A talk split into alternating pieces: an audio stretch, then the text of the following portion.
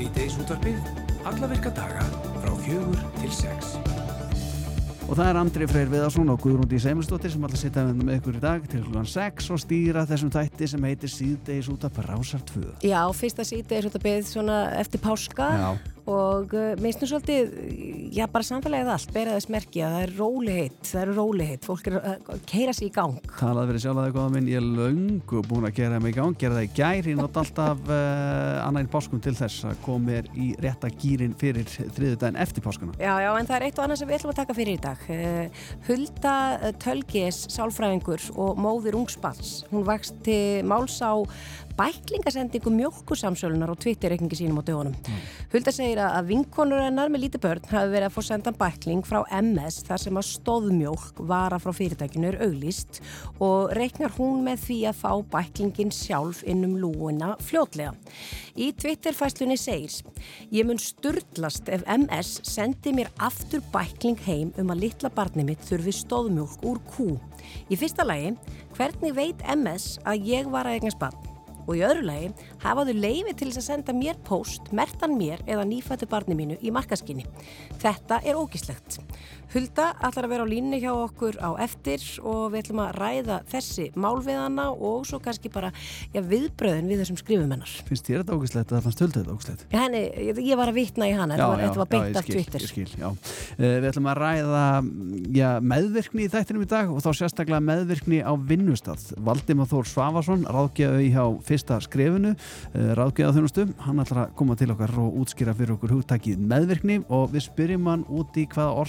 geta leiða baki meðvirkni og hvaða afleiðingar meðvirk, með, meðvirkni getur haft uh, í för með sér og hvaða áhrif eh, meðvirkni á vinnustad getur haft uh, já, starfsumhverfið, gunnar minn. Já, já.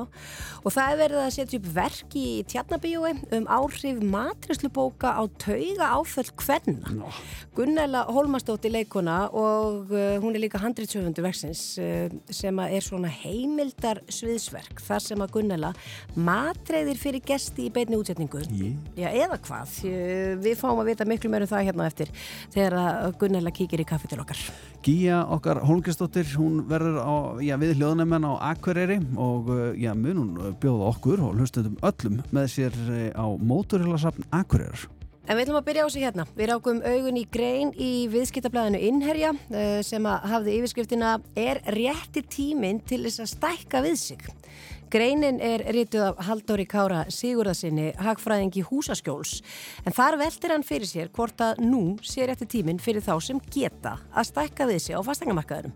Og Halldór Kári, hann er á línu hjá okkur og við spyrjum bara einfallega, er rétti tíminn til þess að stækka við sig núna? Herri, já, það er, það er góð spurning og þetta er eitthvað sem að verðt er að, velta fyrir sér. En, en það er svona, gerðan átt talað um húsnæðismarkaðin sem, sem eina heild, en það er auðvitað mismandi eftirspurn eftir uh, mismandi eignum. Og það sem við sjáum núna á, á markaðin í dag er að það er sagt, mjög takmarka frambóð af ódýrum eignum. Um, á samaskapi er, er no, nokkuð meira frambóð á dýrari eignum. Og, og þannig að svona samningsstaða þeirra sem eru með ódýrar eignir til sölu er tölver sterkari heldur en þeirra sem eru með dýrar eignir. Þannig að þetta svona það getur verið að koma sá tímapunktu núna að það er meiri þrýstingur á, á dýrar eignir til lækunar á meðan að þessar ódýrar eignir geta verið að segja, hal, haldið sínu verði Mm. þannig að það er svona staðan sem við sjáum hann í dag Já, eru þá uh, til dæmis, já bara dýrari eignirnar, einbílishúsin og annars likt, er þetta lengur á sölu heldur en þá minni eignirnar sem er þá verið að, ég eru ripnar út strax? Já, sölu, sölutíman er lengri og við höfum þetta að segja það almennt á markanum að, að, veltan er sögulega mjög, mjög lítil og, og, og það er svona ákveðin sölu tregða á, á, á markaði. Það er eins og að seljendur vilja frekar býða með að selja heldur en að selja á, á, lærra verði. Um, og við sáum það með sérbíli að þegar að vextir uh, lækkuðu og, og voru fóru þarna alveg niður fyrir 1% á fyrirleita ásins 2021 að, þá hækkaði sérbíli mun hraðar heldur en fjörbíli svona eitthvað sem getur kallað að vera meiri luxus eignis eða, eða meiri luxus vara svo, svo samanskapið núna þegar vextir er að hækka satt og þá hefur sérbíli lækkað hraðar heldur en fjörbíli þannig að, að, að svona okkar mat er að að sérbíli eða öllu heldur dýrari eignir séu svona viðkvæmari fyrir þessum vaksta breytingum. Þannig að ef að ég og Gunna eigum til dæmis núna þryggjarbyggja íbúð og langar að stækka við okkur og eigum slatt í henni, er þetta góðu tími hjá okkur að stækka við okkur? Það er þetta, hérna, hver veit þarf að horfa á sínu aðstæðin. Ef við horfum á bara svona verðlegninguna á milli þessara ólíku eigna, að, að þá getur verið að koma svona ákveðið tími. Þetta er líka, hérna, eh, margir sem að festu vextina eh, mjög, mjög lága þarna á, á eh, hvað ég segja, 2020-2021 og það er þá, var gerðnan lán, lán sem, að, sem var hægt að festa vext til 30 ára. Þannig að það er að losna núna og það getur haft mjög mikil áhrif á, á greiðsluberi sérstaklega þeirra sem eru skuldsettir. Þannig að, að ég er svona það má alveg leiða í líkur að næstu mánuðum getur þess að dýrar eignir lækka eins í verði og, og, og þessar ódýrir séu kannski líklega til að halda, halda sínu verkildi þannig að þessi segja, mismunur á, á dýrari og ódýrar eignum hann getur verið að hérna, draga saman Já, þannig að þú telur þá ekki hætta eða hætta á því að já, ef maður fer í stærri eign og kannski eign þá sem að maður þyrti mögulega að losa sér við einhver tíma síðar uh, já, bara varandi vextina og allt þetta að, já, að eignamyndurinn bara hún geti sig upp.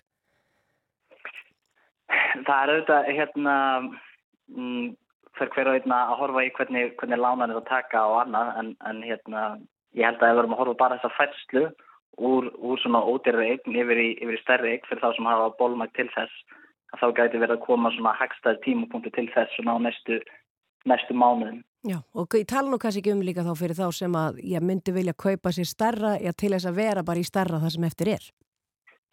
Já, einmitt, svo það er þetta hefðbundið að dýrar eignir eru, hvað sé ég, það er svona meiri seljanleika áhætta í, í þeim, það, það er erfiðar að selja þetta, þetta er stærri eign, þannig að hérna og maður horfum svolítið á húsnaði þannig að það að vera með bara þakka fyrir höfuð og vera í lítið íbúð er bara svona kannski meiri nöðsýn að vara og meðan að vera hérna með rúmgótt heimili er meiri, meiri luxusvara þannig að það er svona ákveðin mismunir þar á.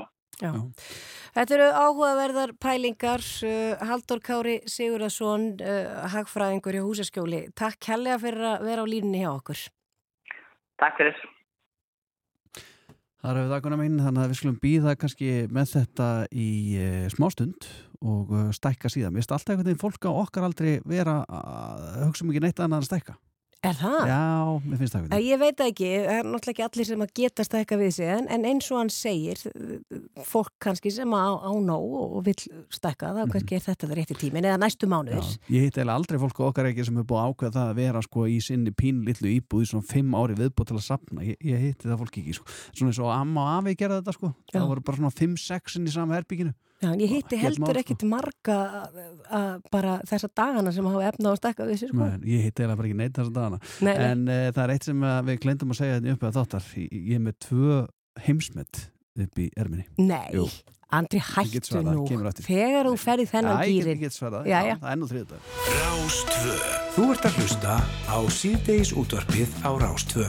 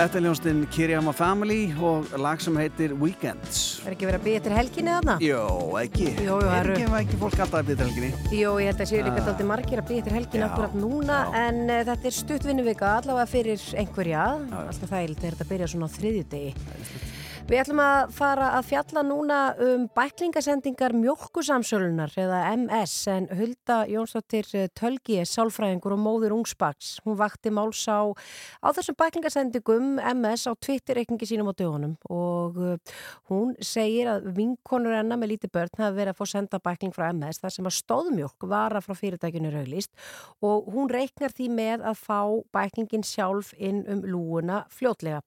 Og Hulda er á línu í okkur kontur sæl og blessu Hulda. Hæ, hæ. Þú hefur áður fengið sendan, hvað, svipaðan bækling frá uh, mjölkusamsölinni? Já, ég fekk bækling þegar ég egnaðist eldri dóttur mína fyrir fimm árum. Eða, þegar, já, þegar hún er sérst, 7-8 mánuða þá fæ ég bækling hann að 2018. Já. Og, þe- núna er ég með sérst, badd sem er 7 mánuða og er í rauninni að búast við því að fá henni bækling aftur og því ég veit að hann er ennþá, það er ennþá verið að dreif honum Já. til fóreldra ungra badna.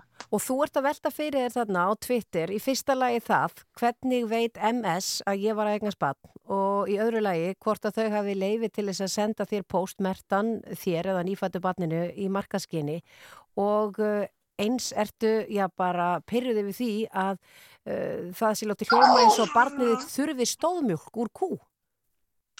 Já, einmitt, sko fyrst og fremst einmitt, eh, svona, svona var ég já, finnst mér þetta skrítið að hérna, mér skrítið að rauninni það séu persónuupplýsingar sem liggja fyrir um bara það að, að hérna að einmitt að ég, ég hafi verið batsafandi og ég hafi eignast barn að þetta hafi hérna, breytingi mínu lífi og ég sé einhvern veginn targetuð í einhverjum svona markaðslegum tilgangi og þá barnið mitt líka uh, og bara set spurningamerki við það hvort að það stendst persónuvendalög og hvort þetta er í lægi Mm -hmm. Uh, það er svona það sem að, það sem að stræka mig illa sko en, en svo auðvitað líka það að, að, hérna, að mér finnst þetta líka sko vera það að það sé verið að mata okkur með því í rauninni hvað börnin okkur þurfa. Og það er bara svo úrelt dæmi að hérna börn þurfa ekki kúamjólk og við vitum það alveg í dag en þau þurftu það kannski hérna áður fyrir þegar við þurftum hana til að lifa af. En núna bara getur fólk afla sér upplýsingar sjálft og, og, og er með sína gaggrínu hugsun og þetta er svo, hérna, svo mikil tímaskekkja Nú uh, oft er að fólk vek, vekur aðtikli á uh, svona málum, þá eru viðbröðun oftast mjög góð, svona, já hvað, eh, já vinahóp fólks varðar, en svona fyrir utan vinahópin, hvernig eru viðbröðun búin að vera þar? Um, sko, já, ég í rauninni hef fengið bara góð viðbröð sko og náttúrulega flestir í kringum mig eru, eru hérna ekki, ekki endilega vegan eða græmitisættir þó ég sé það þannig að þetta snýst kannski ekki, kannski ekki hérna ekki eins mikið um það eins og kannski s- sum halda. En ég fengi skilabóð frá fullta fóröldum sem eru ekki vegan eða græmitisættir sem eru algjörlega sammála og finnst þetta bara hérna vera markalaust og, og svona yfirgangur í markasetningu að hérna í rauninni að, að markasetja með svona, svona hætti. Já, en nú eru, ertu búin að aðháast eitthvað í þessu, ertu búin að senda á persónuvend einhverja fyrirspurni eða þá þjóðskrá eða hvar fær MS þessar upplýsingar? Já, ég, rauninni hef, eh, ég sendi uh, fyrirspurn á persónuvernd í gær og hef, hef kannski eðlilega bara ekki fengið neitt tilbaka ennþá en hérna ég var til í að vita að einhver sagði á Twitter að í rauninni gæti fyrirtæki kipt svona upplýsingar frá þjóðskrá og, og það, það mætti en svo sagði einhver líka að þau mætti kaupa þar en ekki nota það í markaslegum tilgangi. Og ég skil það ekki alveg sko. Nei. uh, um, um hvað það snýst. Þannig að ég er bara til í líka að vita hvers vegna er þetta svona. Er öll fyrirtæki sem geta gert þetta? Er þetta ákveðin fyrirtæki sem megi að gera þetta? Mm. kaupa í rauninni bara upplýsingar Já. um okkur. Heggistu fara með þetta lengra alltaf? um, ég ég bara veit það ekki. Ég er náttúrulega bara einhvern veginn mamma í fæðingarólofi og með marga bolta á lofti sko. En hérna ég var bara til í að fá svör stendst þetta lög, er þetta í lægi um, og bara forvöldna svolítið um það. Er þetta eitthvað er þetta eitthvað, eitthvað gamalt sko? Af því að einu svona einhvern veginn mátti ákveðin fyrirtæki vera svona inn í kerfinu og bara flestum fannst það kannski bara að mjölk er góð og lýsi frábært og, og allt þetta sko. Uh, er þetta, ég rauninni má þetta í dag Já, af því það er eins og, eins og já, það, ég las þarna viðtal við þar sem að þú talaður um það að einu sinni voru gefnir hjálmar, reyðhjóla hjálmar til allra fyrstu bekkinga frá Eimskipum og, og Kívanisfélaginu og, og það var bannað uh, þannig að þú velti fyrir þér uh, hvers vegna já, MS megi þetta?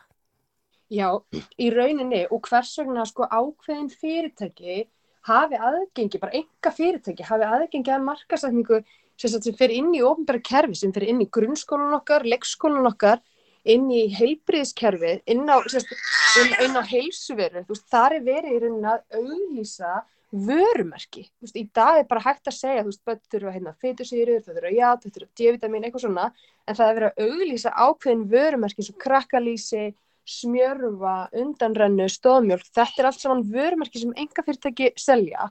Það er verið að mæla með þessi í ungbarnavend og maðuravend er þetta í lægi? Það er það sem að, hérna, ég set bara stórst spurningamerki við uh, og svo líka annað bara vegna þess að við erum að tala um þessu stóðmjólk að það er, sko, það er, það er lítið mál að leita sér upplýsinga um það á, á netinu að það er alltaf verið að tala um sko hjárn fyrir ungabötn og verið að tala um þess að hjárnbættu stóðmjólk og það, það er nú nóg bara að, að, að aðeins kynna sér málinu á, á netinu sko til þess að sjá að uh, játn upptaka, hún er rauninni uh, mjölk hindrar upptöku játs og við ætlum alls ekki að við ætlum að auka játbúskap okkar að nota og taka inn járn eða bora játríkafæðin ásand mjölk. Þetta er bara vitað. Já, það verður spennand að sjá hvaða viðbröðu fær frá persónuvend hulda og við treystum á að þú kannski upplýsur okkur um það. Já, Aha. ekki máli. En bara Hulda Jónsdóttir Tölki ég bara takk kærlega fyrir að vera á línu hjá okkur og gangi ykkur vel. Takk. Það eru við það, við ætlum að fara næst yfir í Ed Sheeran sem að lokaði hann á braugunum við öllu þessu. Öllum postum sem að hann, hann skoðar engar svona posta, þetta er Ed Sheeran þetta með lagi Eyes Closed. I know it's a bad idea but how can I help myself? Been inside for most this year And I thought a few drinks they might help. It's been a while, my dear, dealing with the cards life dealt. I'm still holding back these tears. Well, my friends are somewhere else. I pictured this year a little bit different. When it hit February, a step in the bar, it hit me so hard. Oh, how can it be this heavy? Every song reminds me you're gone, and I feel the lump forming in my throat. Cause I'm here alone. Just dancing with my eyes closed.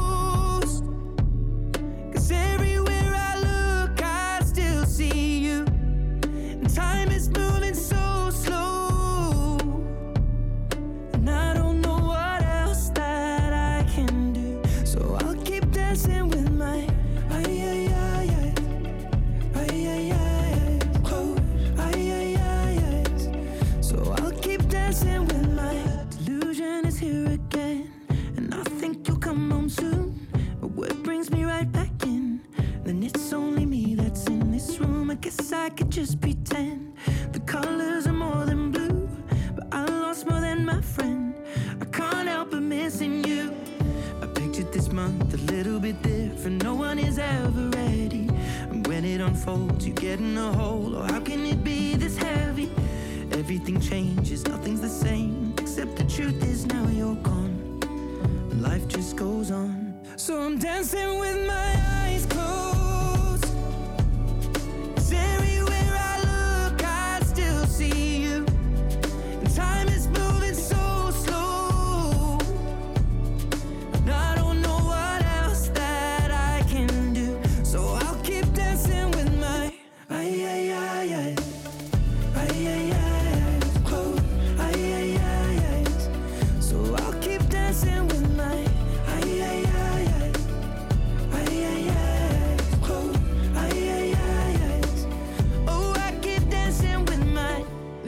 The bar, they're cleaning the floor, and everyone is already home.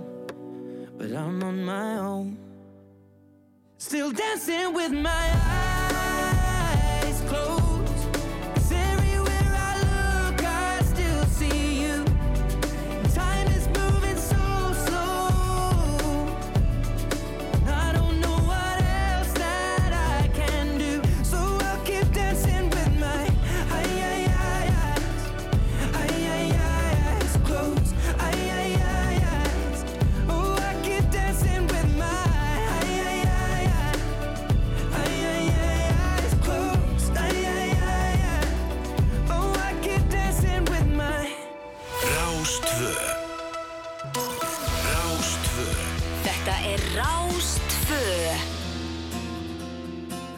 Er meðvirkni á þínu vinnustað? Þú kemst nær sannleikanum hérna rétt eftir. Fyrst þetta að lusta á Sixpence None the Richer.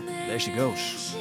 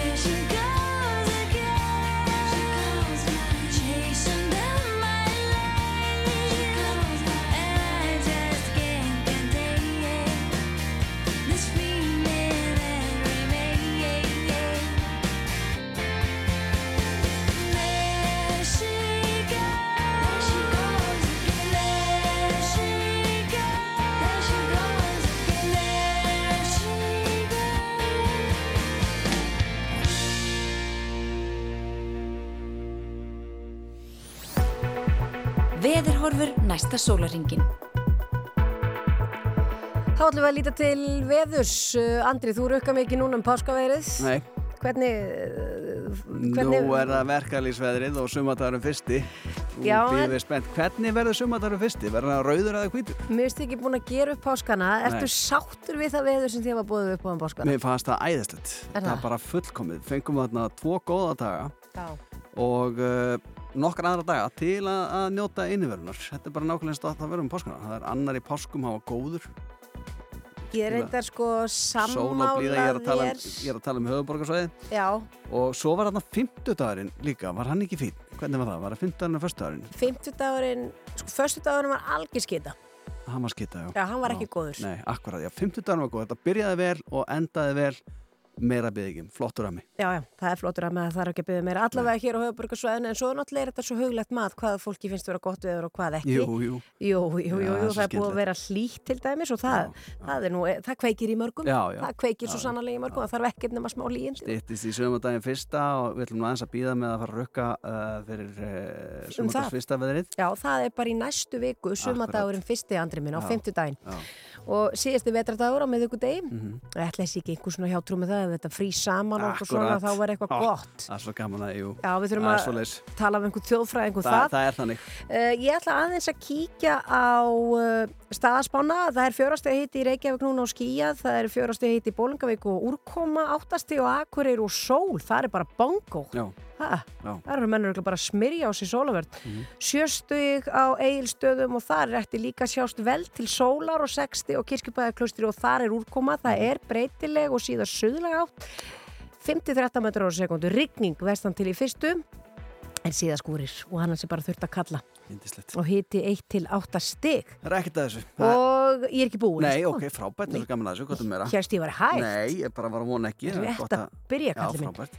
Jú, mannst ekki á föstudaginn langaði fólk satt inn í flugvélum í 6 Jú, jú, klugstundis jú, jú. Það var langur föstudagur. talandi um langan var- föstu Það var dag langur föstudagir, sko. Já, og að þetta, sko. ég man nefnilega sem bann, þá fannst mér þetta í alvörun eitt lengst dagur ásins að því það var alltaf verið að sína frekar náttúrulega niðurdryppandi sjóðsefni og svona Já, já. á föstudaginn langa því þarna þetta er bara dagur sem við eigum öll að bara Mhm. svona hugsa svolítið og já, Já. veist Eði nú þá frekar beðið um post frá mjölkursamsölunni inn við lúna. Heldur en- Eitthvað til að skoða. Já, nei, guð, Mm. eh, sko, allavega, allavega. Þannig að þetta var langur föstudagur hjá sem Norrlaga átt 5-10 á morgun og snjókoma, halló, Flott. eða rigning með köplum, en úrkomi lítið sunnan til. Það verður hæg breytilega átt annað kvöld og stittir allvíðu upp hiti, haltuði nú. Það erum við að sjá 0 gráðunar, 0 til 8 stiga deginum. Það er mildast uh, síðst á, á morgun. Og það er allt og snemt, allt og snemt að fara í helgaveðrið, en óttist degi því að á morgun getum við strax farið svona aðeins að, gluggi í það. Já, það væri nú ekki leðild að fá smá snjó hérna á landið allt eh, svona fyrir eh, síðasta vetrandaginn. Alltaf gaman að hafa smá hvít þegar að síðasti vetradagur gengur í garð. Ertu að hugsa um þá sem að er að stunda, ég til dæmis skýða íþróttina? Nei, mér er alveg saman þá. Ég hef nú bara svona að hugsa um uh, nærumhverfið og hvernig verður að líta út úr gluggan og hverja þennan vetur sem er nú bara búin að vera ágættur. En núna þarf fólk til dæmis að fara af nagladekkjum. Já, já. Það er fyrir 15. apríl, Akkurat. Og það ég... má sita út uh, uh, trampolín uh, núna næstu helgi.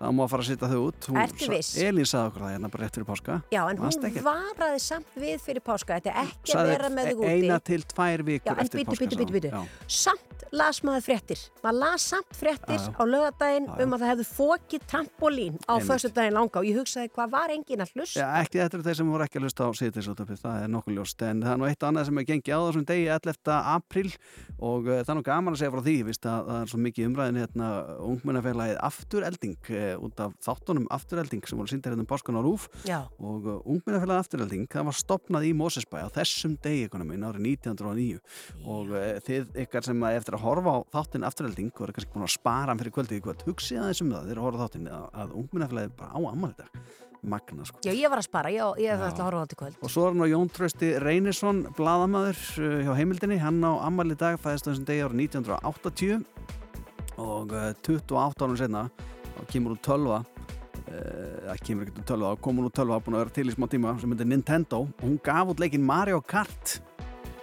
Wii Já. Og margir búin að vera karta yfir sem um páskana Ég elska Mario Kart, það er mjög skemmtilegu leikur að gripa í. einfaldur að læra líka Já, geta allir, þetta er allur aldur, og sko. reyfið bara mér Þetta er snilt. allur aldur. Já, svo nú eitt amalspöndum dagsins dag, hann er látinblesaður, lest árið 1978 en fæðist uh, á þessum degi árið 1945, hann heitir Vilhjálmur Vilhjálmsson og er íslenskur söngvari og uh, já, lagahöfundur.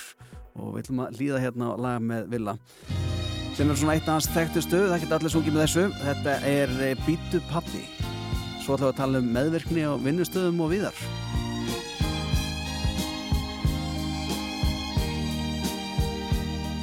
Í hinsta sinna heiman lá spór mín. Því ég hamingjuna fann ei lengur þar. Og hratt ég gekk í fyrstu uns ég herði fótatak Og háum rómi kallað til mín var. Kallað býttu pappi, býttu mín. Býttu því ég kem til þín. Æ, ég hljóð svo hratt að ég rasað og datt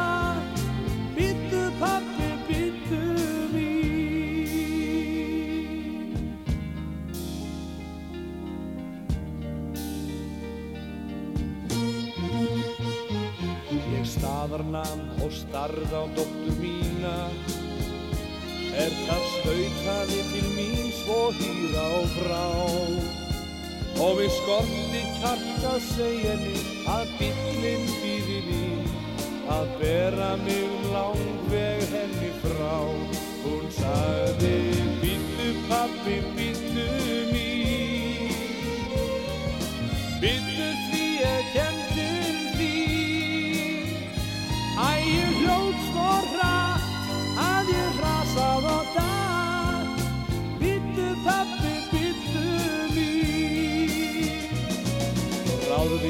Ég stóðum stund og þagði En hann stað svo að lagði aftur heima á leið. Ég vissi að litla dóttir mín Hún myndi hjálpa mér Að mæta vanda þeim sem heima beir Hún sagði Bittu pappi, bittu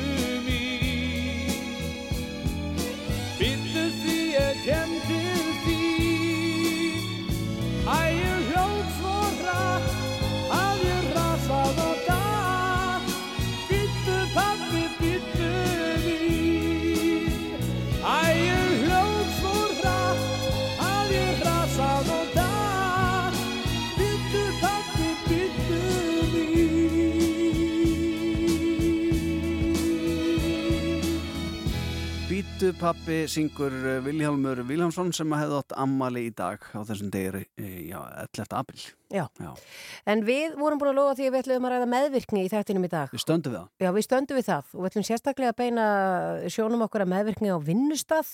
Valdimar Þór Svafarsson, ráðgjafi hjá fyrsta skrefinu sem er ráðgjaf þjónusta. Hann er komin eitthvað til okkar, kontur sælubræsaður. Já, sælverði. Uh, já, þú ert með ofbáslega mikla reynslu og mentun á bakinu sem er bara, ég, það er bara, það er of langt til þess að þylja það hér upp en þú hefur Það var bóið bak, þetta er svo mikið. Já, þetta er orðið svo mikið. Já. En þú hefur meðal annars verið að vinna með meðvirknina. Já, Og við bara ákveðum að fá þig hinga til þess að þetta þess við okkur að því að hugtæki meðvirkni, já það er nú í fyrsta lagi bara hugtæk sem ekkit allir vita hvað þýðir. nei, nei, og bara og er alls ekkert einhver sáttum sem er bara spennandi sko og skiljanlegt því að það er tildulega nýlegt í rauninni í bara í tungumálinu og bara orðið codependency sem er meðvirkni á ennsku kemur ekki fram í bók fyrir 1984 Já. Þannig að sko, eh, ef maður skoðar svona söguna, bara þú veist, orðið eins og bara þunglindi, þú veist, það, það verður eitthvað staðar, kemur eitthvað staðar í umræðina og svo er það kannski orðið, sko, viðurkent sem eitthvað vandamál eða veikindi eða, eða og þekkt einkinni hundra árum setna, sko, þetta hefur allt sinn fæðingatíma. Já. Eh, En meðvirkni er hugtak sem er mjög áhugavert og margslungið og hérna, ég, ég veit nú ekki hversu mikið tíma við höfum til þess að fara í kannski fræðin hvaðan það kemur en, en í grunninn er meðvirkna því að margir einmitt líta á þetta sem svona bara auðmingjaskap, þetta er bara svona fólk sem að lætur vaði yfir sig og, og langflesti tengja þetta við alkoholisma það er að segja að þetta séu aðstandundu þeirra sem eiga við vandamál með áfengi og önnur uh, vímuefni að gera. Já. Uh, sem það og er, að þar, þar verður meðvirkni, óhjákvæmilega en, en það er ekki þar sem hún verður til, hún verður til út af skekkjum uh, í rauninni í uppvextinum vandamálum, það sem að vandar ákveðna hluti upp á þegar við erum að alast upp. Oft er það mjög sýnilegt og oft mjög falið.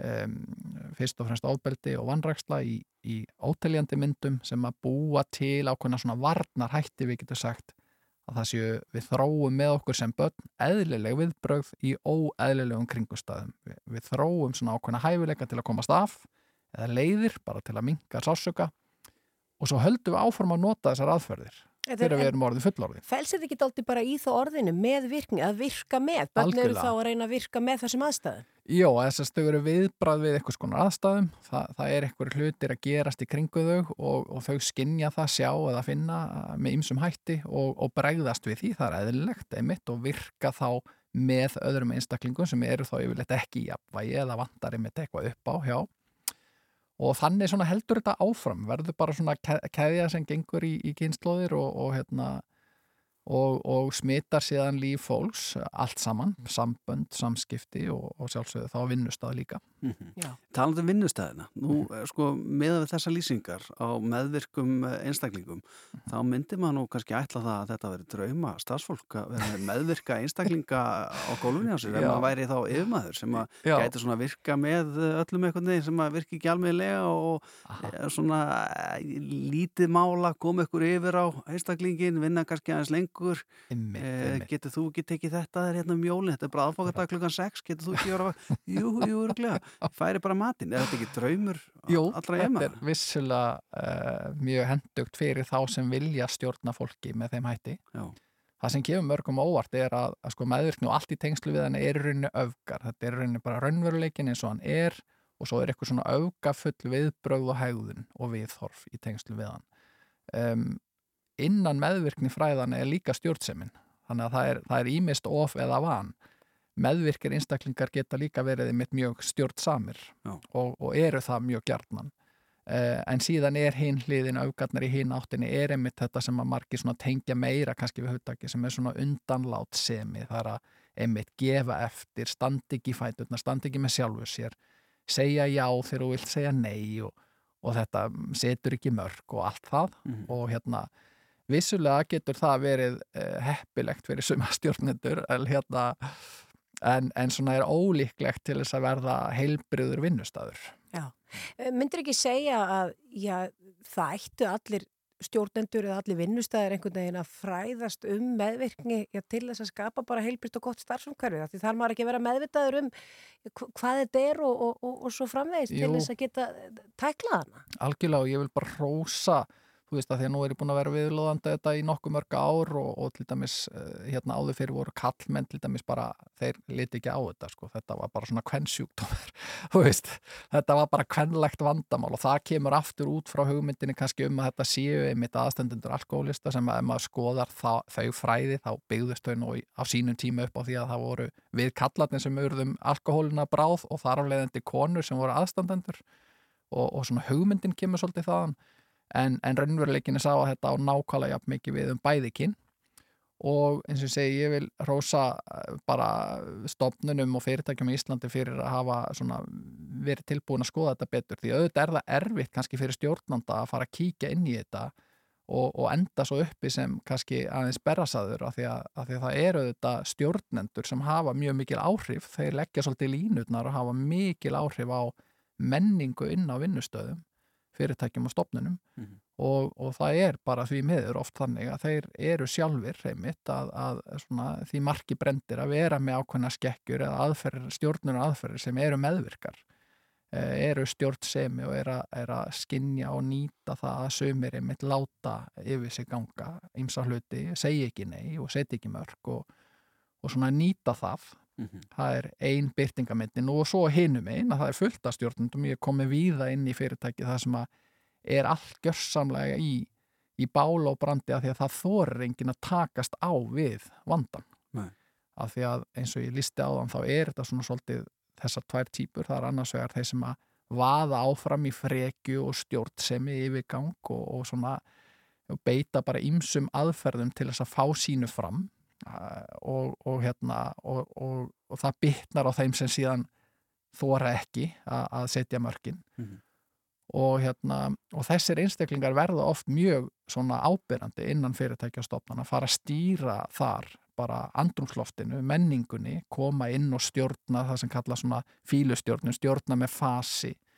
Og allir er á tánum og hrættir og þar á meðal stjórnendur er oft logandi hrættir við að takast á við þetta. Eh, fer auðvitað svolítið eftir því hvort þetta eru fyrirtæki eða stopnanir á vegu ríkisins eða sveitafélaga, það er mismunandi sko úrræði og möguleikar til að takast á við vandan af því að það er ákveðin auðvitað e, það er ákveðin svona vopn í þessu að, að geta hreinlega sagt mannesku upp sem ætlar ekki að taka þátt í samstarfi inn á vinnustað. En sumstaðar er það bara mjög flókið og erfitt og jafnvel ekki hægt.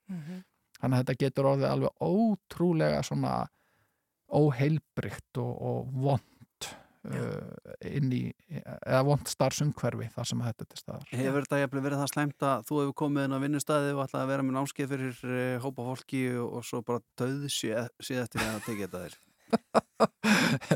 Nei, ég held að ég hef svo sem ekki síðan eftir því en, en kannski hafa einhverjir sem hafa fengið mig til verksins síðan eftir því. Hugsa með þessar, heyrðu, við þurfum að fylla hérna upp í klukkutíma slott hérna á starfstegi fáum einhvern til að hérna, halda einhvern fyrirlestur og svo kem ég og, og tek svona mjög einbytta nálgun á þetta og, og ég svona gef mér svolítið út fyrir það að vera hreinskilinn og beinskittur og hérna og það getur oft, ég hef alveg heyrt að mjög krassandi, svona sérstaklega kannski á föstu degi ef það er svona léttur hérna, starfsmannahittingur og verið svo að fara út að borða og kannski aðeins fá sér með sig að kvöldi til eftir á og þá hérna, myndast mjög áhugaverðar samræður. En þetta er samt, hugmyndin er að að svona að taka plásturinn af og bara liftis upp á borðið. Já. uh, af því að við erum að tala um einmitt fyrirbæri sem að fólk skinjar veit af en enginn talar um. Það er auðvitað svona þekkt uh, í sambandi við meðverknin oft talað um bleika fílin Mhm. að það er eitthvað að, það sjá það allir það finna það allir, en það þorir enginn að takast á við það Einmitt. þannig að svona mín eh, hugmynd og nálgun er að svona að lifta þessu upp á borð og það er bara mjög skemmtilegt mm. en oft getur að vera krefjandi auðvitað fyrir alla sko Já. Skal ég dvíli mér með það Já, en þetta er einmitt nöðsilegt að tala um þetta og, og öruglega hreinskiptin hérna, já, samskipti hljóta alltaf að vera bara líkil. Já, þú, það, það er þessu samhangandi er einmitt það, það er mjög mikið á svona vinnustöðum það sem þetta er ekki lægi, þá er einmitt það sem ég kalla svona þrýhyrningssamskipti eða, eða corridor meetings, ef ég má nota enskuna, það er svona fundur eftir fund það sem er verið að vinna að ykkur það er verið að ræða ykkur hlutin á fundum það er verið að innlega ykkur að stefnu eða breytingar að takast á ykkur verkefni hver sem þau eru og, og menn sitja inn á fundum eða í svona samtölum en svo þegar fundurinn er búinn þá, þá er sko hinfundurinn, þá fara menn svona og, og ná til sín svona áhangendum og, og hérna jáfólki og, og fara og fussa og sveia og er meiru fýblin þetta er aldrei verið gert svona, við hefum alltaf gert það hins einu sem er svona klassiska setningar hjá þeim sem eru að stýra uh, með neikvæðum hætti innan fyrirtækja. Og, þar að leiðandi finna stjórnindur ofta þeir eru svona eins og að synda upp alveg sann að þeir einhvern veginn ná ekki árangri, ná ekki eh, fram breytingum eða innleiða hluti og sjá ekki af hverju. Af því að það er svo mikill óheðalegi það er svo mikið falið í kringum þetta. Valdimar Þór Svafarsson ráðgjafi hjá fyrsta skrefinu takk kærlega fyrir þetta og gangiði vel í þinni baráttu gegn meðvirkni. Og takk fyrir það og semmuleg Síðdeis útvarpið, stóru og litlu málin frá fjögur til sex. Á Rástfö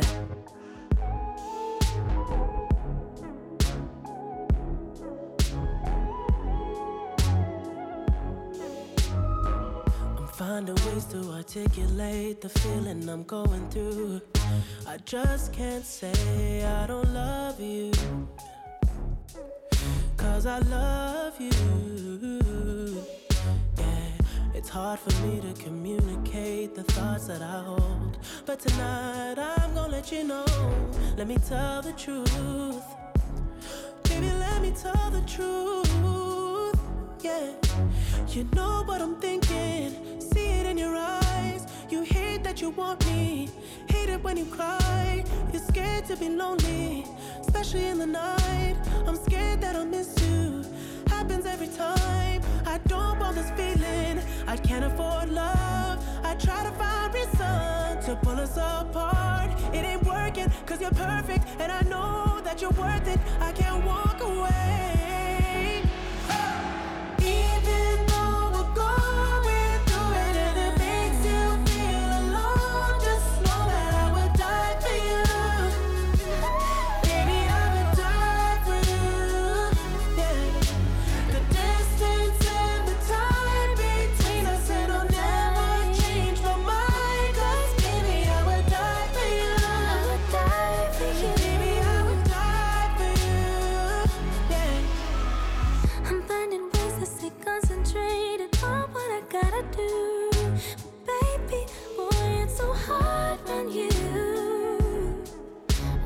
I'm blaming you. And you know I can't fake it now or never. And you insinuating that you think we might be better. Better me and you. Yeah, I know you do. You know what I'm thinking. See it in your eyes. You hate that you want me. Hate it when you cry. It ain't working, cause you're perfect. And I know you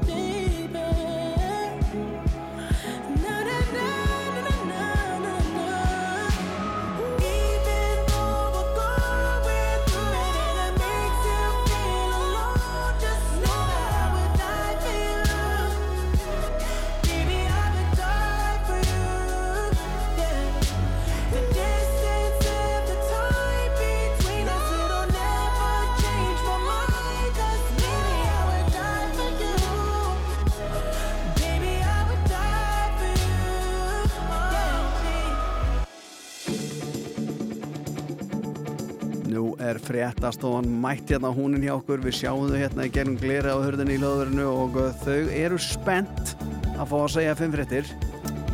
Já. Það er eitthvað, nú er eitthvað. Svo segja það alltaf fimm fréttir á mjög skömmum tíma Já, þannig að, já, já, þau gera alltaf á þremur myndum, já, svo komum við aftur. já, það er svolítið þannig það er einhver, það einhver gallin að þau núna, sko. Ég Já. sé það bara svipnum að það er eitthvað, Heldur að sé eitthvað að frétta já, Nú finnast þetta aldrei lítið að frétta í dag Næ, nú kemur bomban. Nú er eitthvað að gera Það sem allir að beða eftir og svo heldum við áfræminda með síðis út að beða að uh, fréttum loknum. Já, við verðum að hætta núna, Andri, við verðum að hleypa Nei. hérna inn með sínist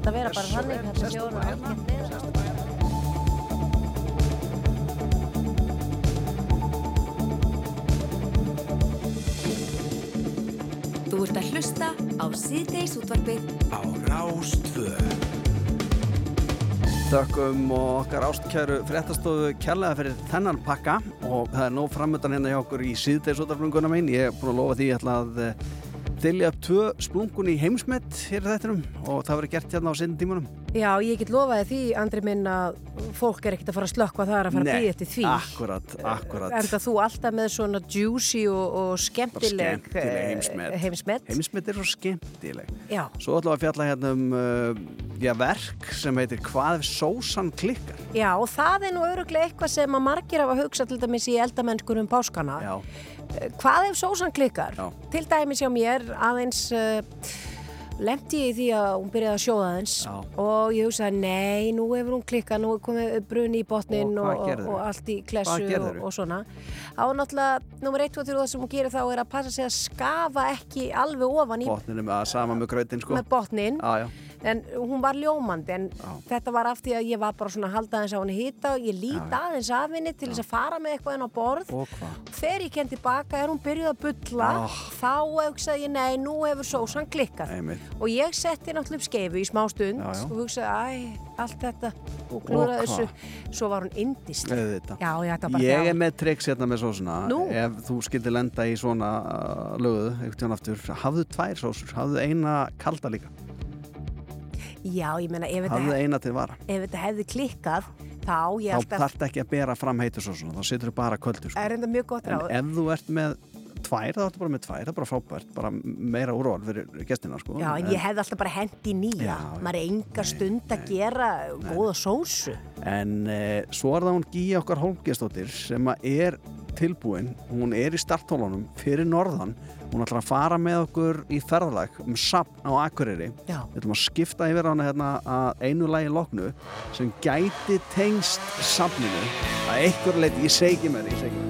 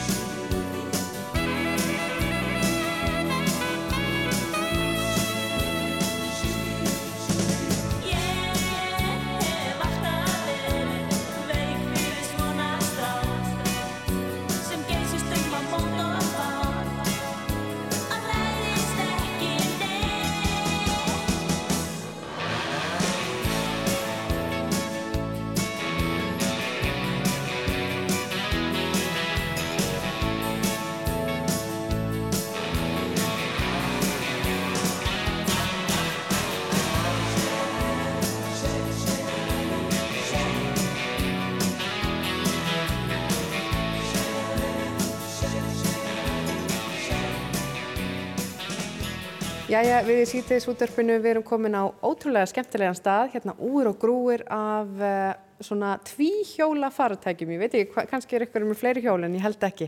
Ég er komin á móturhjóla sapn Íslands og hjá mér stendur einn úr stjórninni og sem er oft hérna að vinna og segja fólki, leiðsegja fólki hérna á þessum stað, Tómas Ingi Jónsson.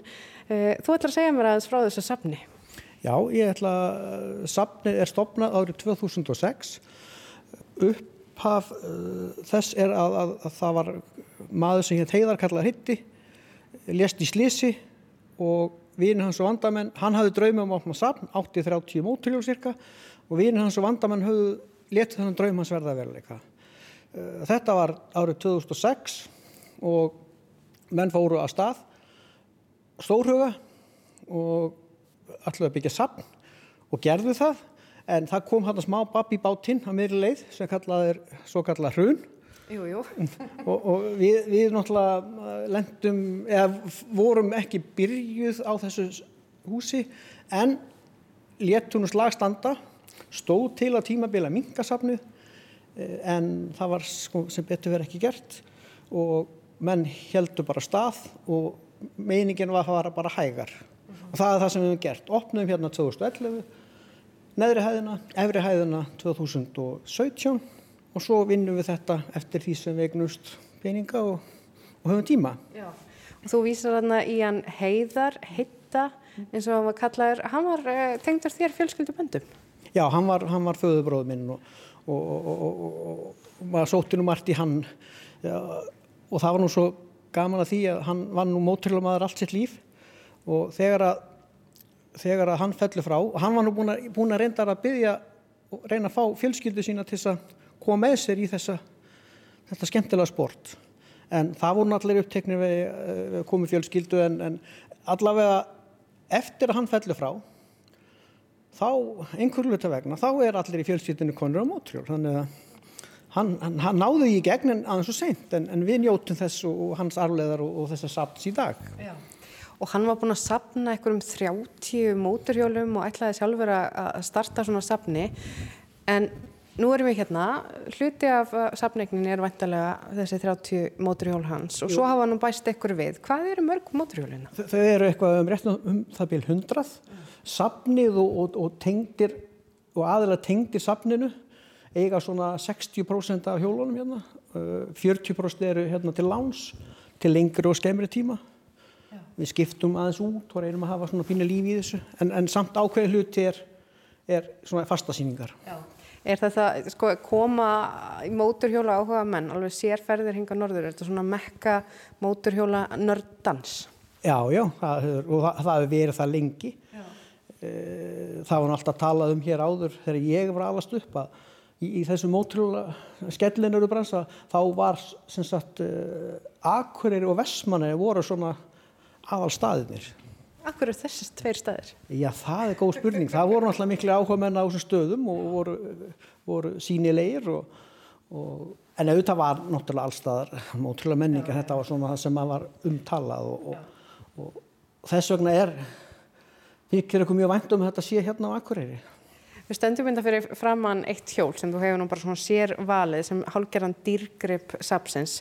Segðu mér örlítið frá hvað erum við að horfa á hérna? Já, þetta er, uh, þetta er elsta heila móturhjól sem til er í Íslandi. Það er nú til svona hlutir úr móturhjólum sem eru eldri, ekki mikið þó, en þetta er sem 1918 mótil af Henderson.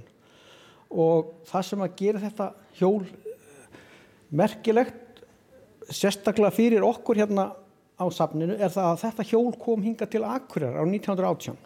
Og það er mynd hér á safninu af hjólinu sem er tekin hér inn í svo kallega tunnuversmiðu sem var rétt fyrir neðan þar sem að ísbúin Brynjaður, menn þekkja það nú flestir. Jú, jú.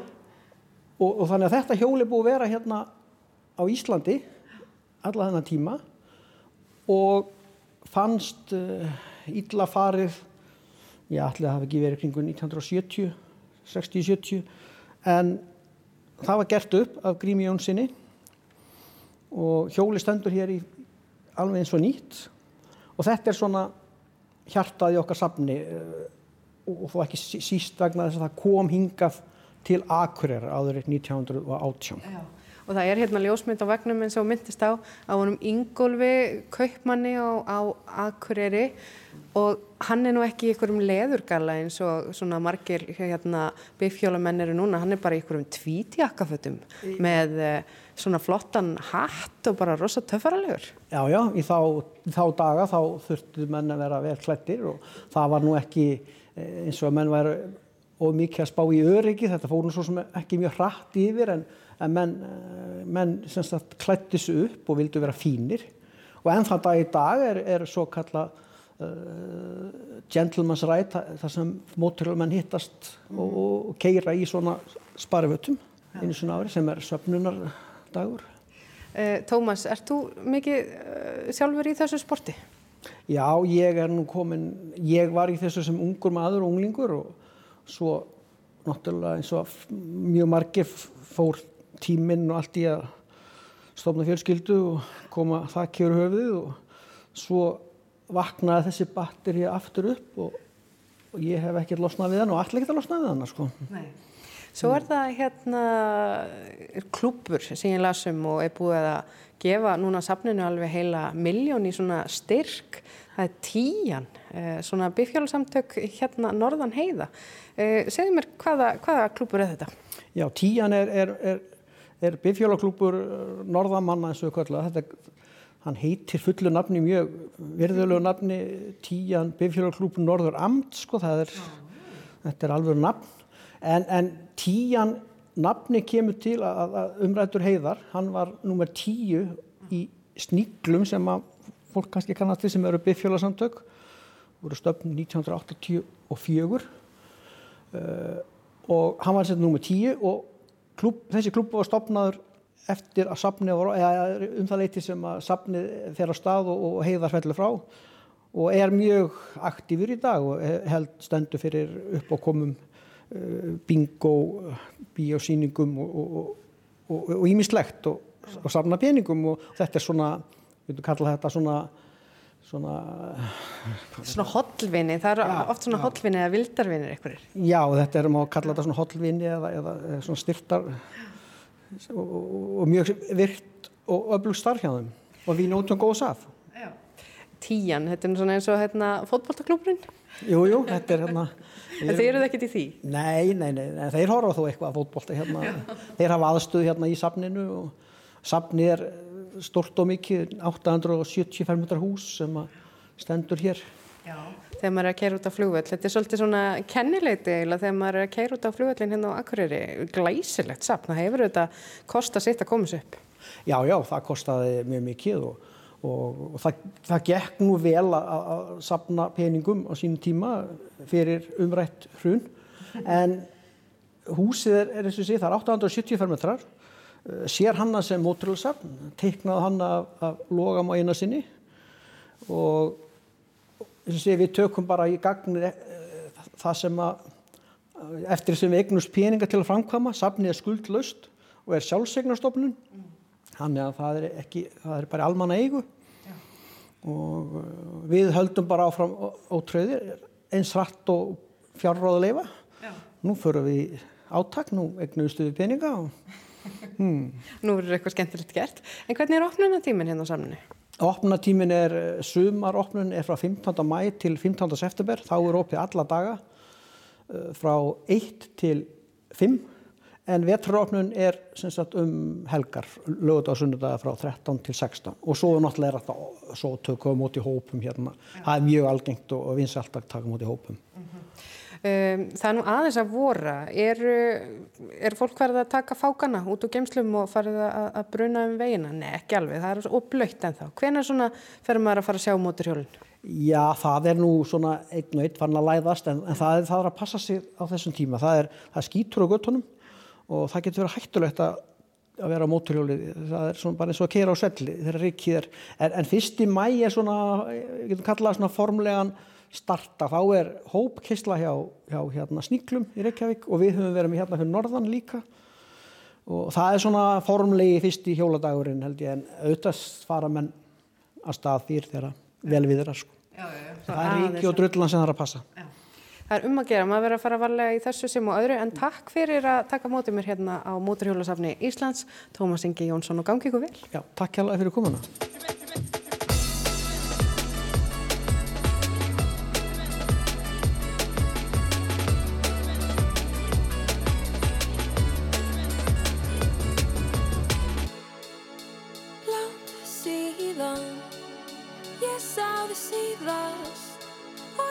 veit ekki, veit ekki, veit ekki hvernig mér á að líða.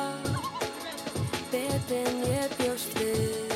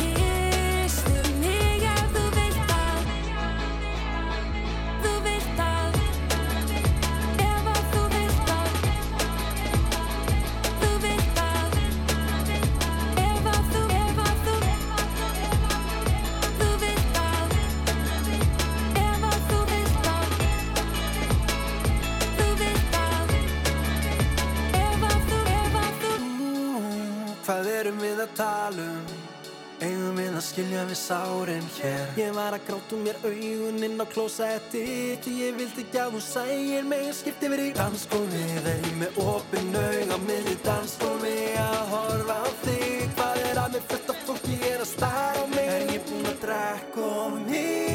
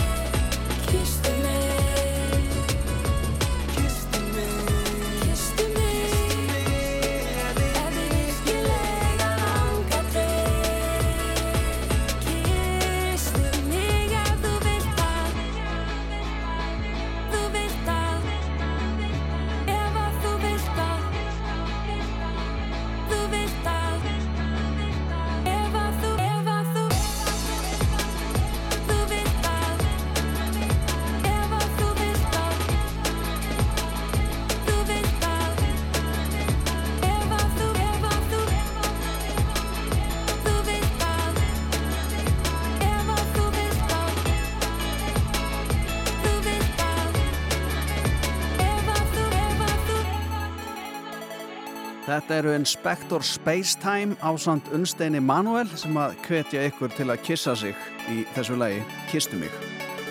Síðdegis útverfið. Málefni líðandi stundar frá fjögur til sex á Rástföðum.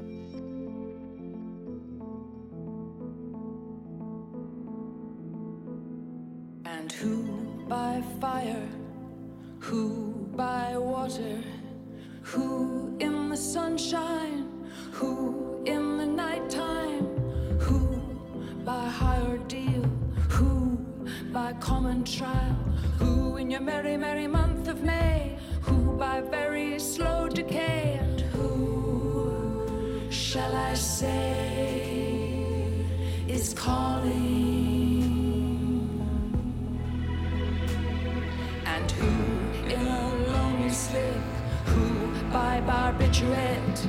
Who in these realms of love? Who by something blunt? Who by avalanche? Who by powder? Who for his greed? Who for his hunger? And who shall I say is calling?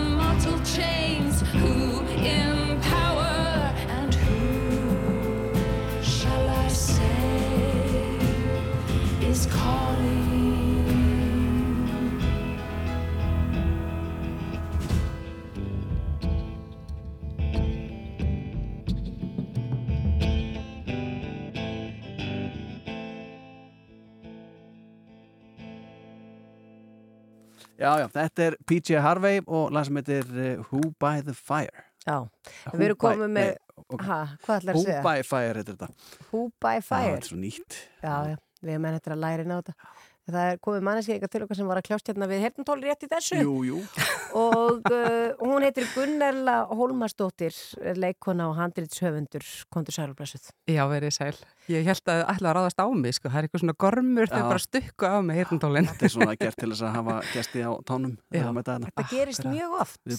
Það er engin skömm í þessu Nei, nei, nei, nei, nei.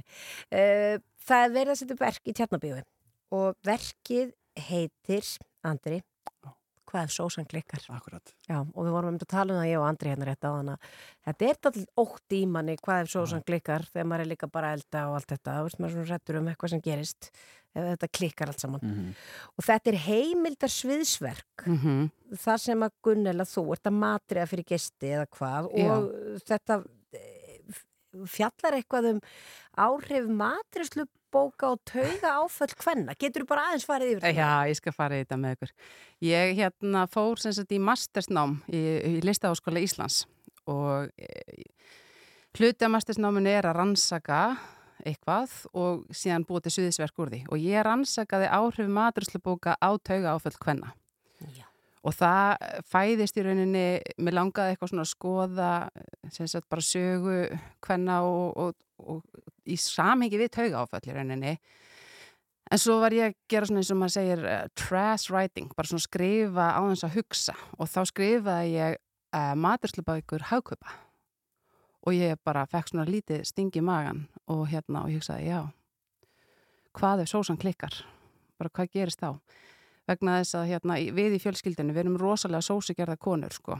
Og mikið svona pressa á að sósan sé góð og að setja nóg af henni. Og hérna, og ég var mjög ung þegar ég byrjaði að fá maturslubækur hagkupa e, til dæmis bara í jólagjöf og svona. Og ég fekk allar 17 bækurnar. Wow. Já, mm það eru heilmikill fjársjóður. Akkurat. Og hérna og þetta sko útskýri sér svolítið í verkinu ég vil ekki spoila Nei, nei, nei, en þetta hefur haft ótrúlega áhrif á mig og þessar sko pressu bara með að eiga að standa mig í eldúsinu og það er reynilega bara að eiga að finnast gaman að elda Já, og en ég meina voru þá, ég bara þínir nánustu aðstæðendur Já. að gefa þér matrislubækur jafnvel áður en þú fegst áhuga á því að elda. Já. Bara svona gott fyrir það að eiga þetta. Já, það er bara mjög gott fyrir alla að eiga góða maturslubók. En hefur aldrei finnist gaman að elda? Eigum við að spoila það? Nei, nei, við Nei, megum nei, ég náttúrulega meina, ekki. ok, ok Nei. e Eiga, ok, við skulum bara, bara spyrja En spurningana þetta er náttúrulega- en svo er þetta svo- Eiga, sko, sko, á frændfólk þitt að skamma sín jafnvel? Nei, nei, Ok, það er enginn ok. að skamma Það sín. svaraði henni svona En þetta er að vissum, vissum liti Síðan daldi reysa stórt. Það er Mhm. bara gert ráð fyrir því þarna að þú eigir að hafa gaman að því elda. Já. Eða þá að þú mögulega sem kona eigir að geta eldað. Já. Og, og þannig er kannski verið að hjálpa þér líka en það er pressa, pressa á því. Já, ég, maðurinn minn hefur, að, að, sko, jú, ég hef gefið honum maturslubækur en hann fekk ekki 17 ára maturslubók í jólagjöf til dæmis og ég efast um að fá að myndi detta í huga að gefa, þú veist, 20 gutta maturslubók En jú, þannig uh, hóst þessi Og áttu br- 17 ára maturslu bóka ferill minn. Áttu sagt. bröðréttir aðköpa? Já, já, ég átti allt saman. Hún er góð. Það er reynda góð bók. Já, mjög góð bók. Er mjög góð. Spurðu ömmu mína, amma mín er nefnilega hluti af síningunni, hann að það eru svona viðtöl við hana. Hún er nefnilega, hún sapnaði maturslubókum og hérna og gestgjafanum og bara svona með brennandi áhuga á maturslubókum. Hann henni fannst það sjálfsögur rosa góð hugmynd að gefa mér maturslubókum. Eðlilega. En svo fór ég náttúrulega að skoða bara sögu maturslubóka og þá kemur ljós um, eitthvað sem að sakfræðinga vita og, og hérna og hefur alveg verið rannsakað, ég bara vissi ekkert af því að hérna maturslubækur voru náttúrulega kennslubækur fyrst. Upprunlega var þetta svolítið mikið bara svona að vera að segja konum hvernig það ættu jafnvel að þó sér, hvernig það ættu að haga sér, hvernig heimilega þetta líti út eða eiginmaðurinn kemi heim og svo voru þarna nokkra uppskriftir en þetta voru fyrst og fremst kennslubækur af því að konur máttu bara skrifa kennslubækur þannig að það voru fyrstu bækurnar sem konur skrifuðu uh, maturslubækur Já, já, Já, bara svona um hvaða síðum og, og reglum þeir ætti að fylgja. Já, og bara einmitt hvernig þú ættir að þó þér og Já. klæða þig og heimilega átt að líti út og börnin og hvernig áttur að koma fram við þinn uh, eigimann þegar hann kemur heim á vinnunni og þetta er að einmitt taka á hann um skona og búið til koktel og svona. En þessar konur sem voru að skrifa þessar bækur á sín tíma, það er að kannski ekki haft hugmynd um að þessar bækur þetta er að vera til þess að aðra konur fengi reynilega taugafall. Nei, að því að síðan náttúrulega þróast sko, uh, við vorum hérna með um, svona hlutverk húsmaðurinnar sem var bara mjög stórt og þær voru bara, þær voru bara reka heimili, þær voru bara í virkilega stórum business þarna og svo breytist þetta svona með okkar svona fram, komið framakonunar við förum að fara út af vinnumarkaðin og svona en það tekur enginn við húsmaðura hlutverkinu, þannig við berum það ennþá með okkur. Þriðavaktin. Já, þriðavaktin er einmitt stór hluti af þessu verki sko og hérna, og við erum ennþá að sinna sko þessu, þessu, rekstra, þessu rekstra hlið, það er þetta heimilið og, og hérna og kannski bara framkvæmda stjórastöðunni, skiljiði. Þannig að í þessari síningu, hvað ef sósan klikkar, Mhm. eh, ég er svona að reyna að átta með það hvað erum að tala um þetta, þá ert þú á sviði að að elda mat. Já, þetta er sem sagt, ég ákvað að fara, ég var heil lengi að veltast með bara í hvaða sko mynd er ég að fara að vinna með þetta efni og þá, það er náttúrulega rosalega mikið um maturslu þætti núna, bara ótrúlega vinsælt að horfa maturslu þætti í sjónvarpinu og, og bakstustætti og svona og þá hugsaði ég auðvitað er þetta bara maturslu þáttur í beinni útsettingu. Það setur líka enn meiri pressu á, sagt, mig, ég er einu sviðinu, ég er að sjá um allt útsendinguna, þú veist, hljóðið, bara lýsingu, sviðstjórin, þú veist, það er engin nema ég, það er bara þessi eina kona að sinna öllum þessum hlutverkum og það er bara svolítið svona speill af því sem er að gerast í samfélagin okkar, bara hvernig við erum að sinna þriðu vaktinni og, og hérna, fjórðu og... En amma henni er þarna með eða ekki? Amma er, semst, ég læsti ömmu upp í bústað ég fóð með ömmu sem sagt upp í bústað og tók við hana viðtöl Já. og þau eru hluti af síningunni Akkurat, stór hún, hún þarf ekki að mæta á allar síningar, hún er, hún er búið með sitt. hún er búið með sitt Já, en Mhm. spennandi. Já. og líka þetta form einmitt af því að matrislu þættir og þessi, bara, þessi raunveruleika þættir um matrislu, þetta er ekkert smávinsælt. Já, og svo náttúrulega Instagram og hérna hvernig já, við erum að nýta samfélagsmiðlana sem sagt bæði mikið um auðlýsingar og svona spons og svona í, í verkinu sko. Já, já. og svona hvernig við sem aðalega konur þá erum að, að sína til dæmis bara hvernig við eigum nú að skreita fyrir páskana, páskaborðið, hvernig servitirnar eiga að vera eða Hvernig fermingarveislan á að líta hvernig út? fermingaveislan og allt þetta, þetta er bara svona þetta er ekki kannski eitthvað sem þið sjáum með berum augum í verkinu en þetta er undirliggjandi. Já. Já. Sko, eh, oft hefur nú sko, leikrit orðið að kveipmyndum Já. og sjómanstáttum og öðru Mhm. slíku. Heldur að ef að einhver sjómanstjórin myndi fara á hvað ef sósan klikkar í, í tjarnabí og hugsa með sér, þetta er nú bara frábæra hugmynd að sjómansetti. Heldur þú að þetta verk geti orðið að sjómansetti? Ég held það og ég er strax farin að hugsa um sko framhald bara ég sé alveg fyrir mér vöxt með, með þetta, svona þetta konsept eða ég með á sletta aðeins. Mhm. að hérna, að því að þetta er að það er svo hægt að fara í svo margar áttir með þetta og þetta er svo hérna relevant á hvað ég góði í íslensku. En eitt, eitt kannski að lokum uh, af því að þú átt greinilega góðan bunga af matrislubókum Mhm. og þ- þær hafa fylgtir Mhm. og eflust bara mörgum, það er margir sem því. Er tími matrisslubókarinnar liðin? Nei, Guðrún Dís. Nei, bara vegna, vegna já, tilkomu einmitt allra þessa Instagram og, og það sem þú getur verið að mæla þér í uppskriftir og svona á þess að vera með bók. Sko ég held að sé alltaf markaður fyrir maturslubækur og hérna til dæmis nýju maturslubækurnar á mínu heimili, það er allir eitthvað svona barbecue kongurinn eða bjórborgarar og þetta er svolítið svona miðað að manninu mínum. Já. Eh, Það er bækur sem eru að koma núna og svo er keto og eitthvað svona LKL eða eitthvað og það eru meira svona miðaðar að mér, Já. skilji hvert ég er að fara. Já. En ég held að sé sko svo framlega sem að einhver uh, ákveður að nýta þetta ástand sem við mannfólki erum í og þetta hérna, skrýta samband sem við eigum við mat að þá hérna mun alltaf vera markaður sko. Já. En spennandi, Gunnela Hólmastóttir, leikona og handrisöfundur, uh, hvað ef sósan klikkar í tjarnabíu ef við hvetjum sem flesta bara til að kíkja? Já, takk miðasal á tix.is.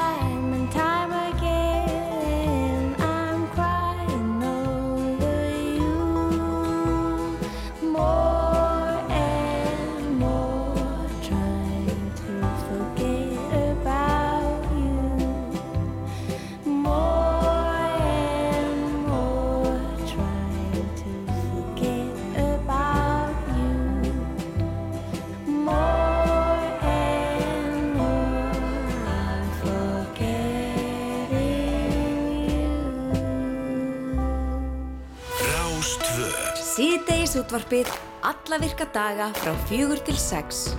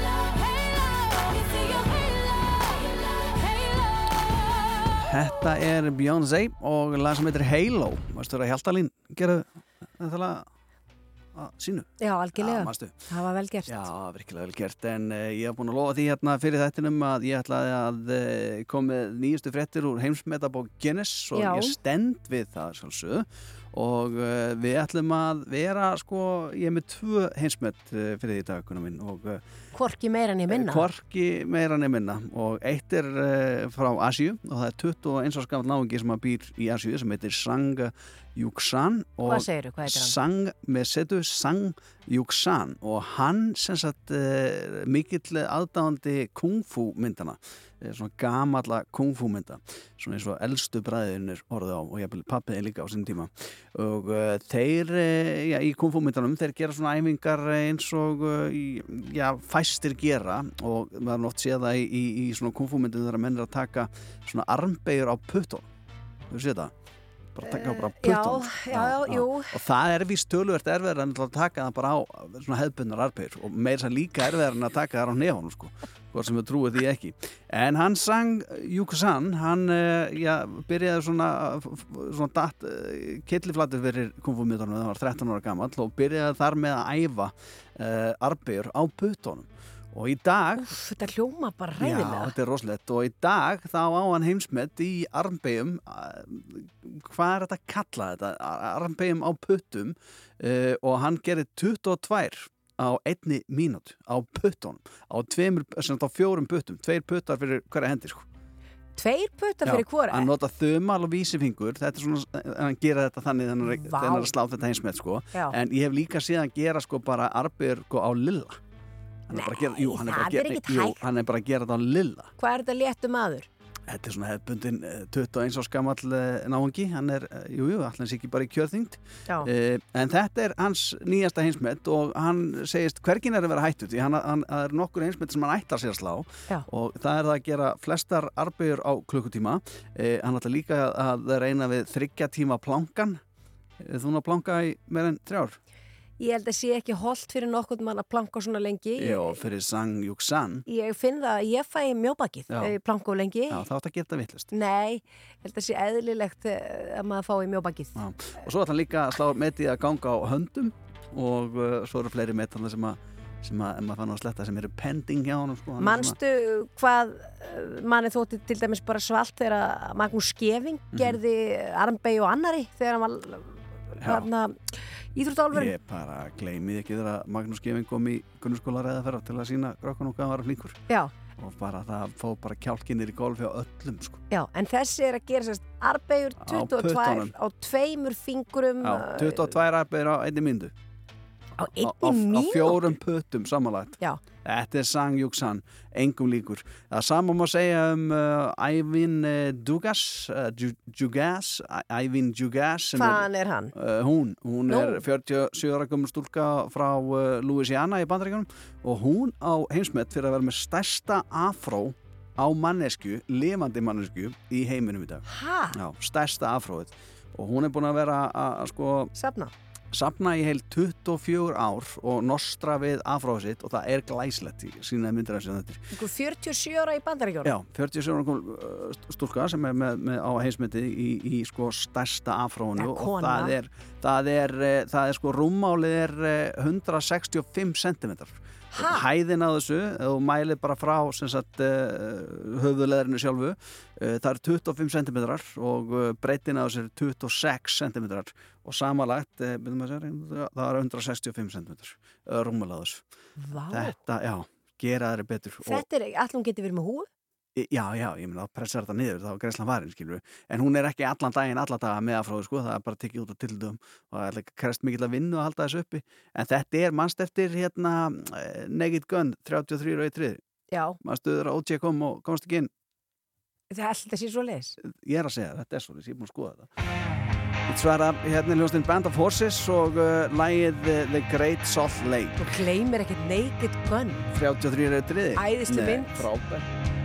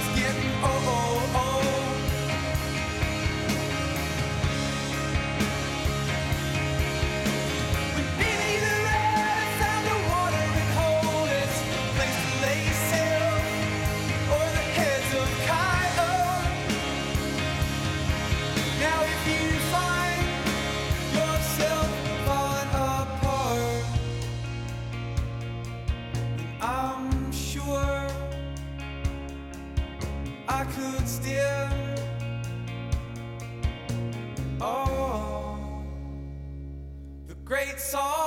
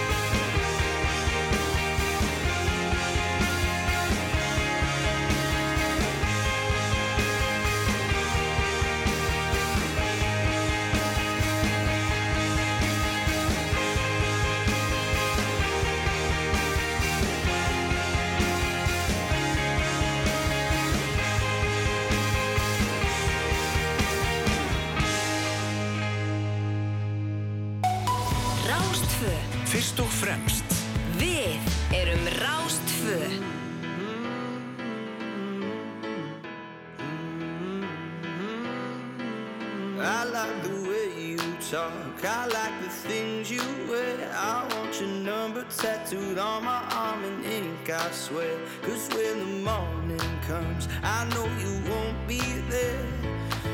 Every time I turn around, you disappear.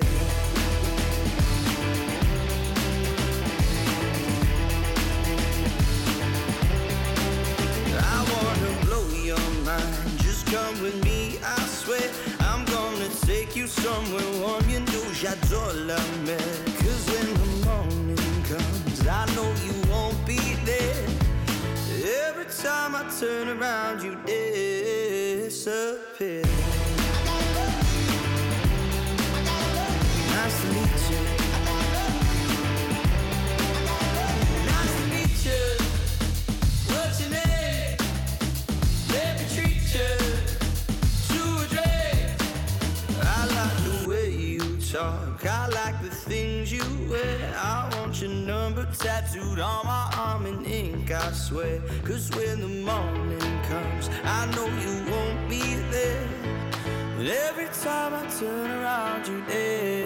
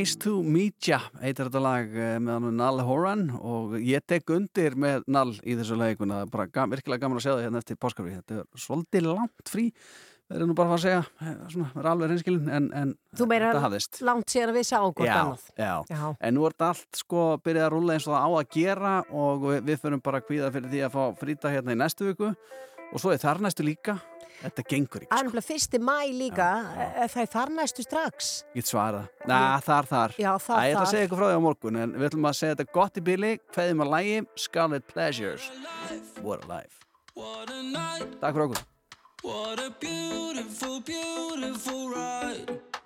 Don't know where I'm in five, but I'm young and alive. Fuck what they are saying, what a life. Cause I'm popping right now. Don't wanna worry about a thing. But it makes me terrified to be on the other side. How long before I go insane?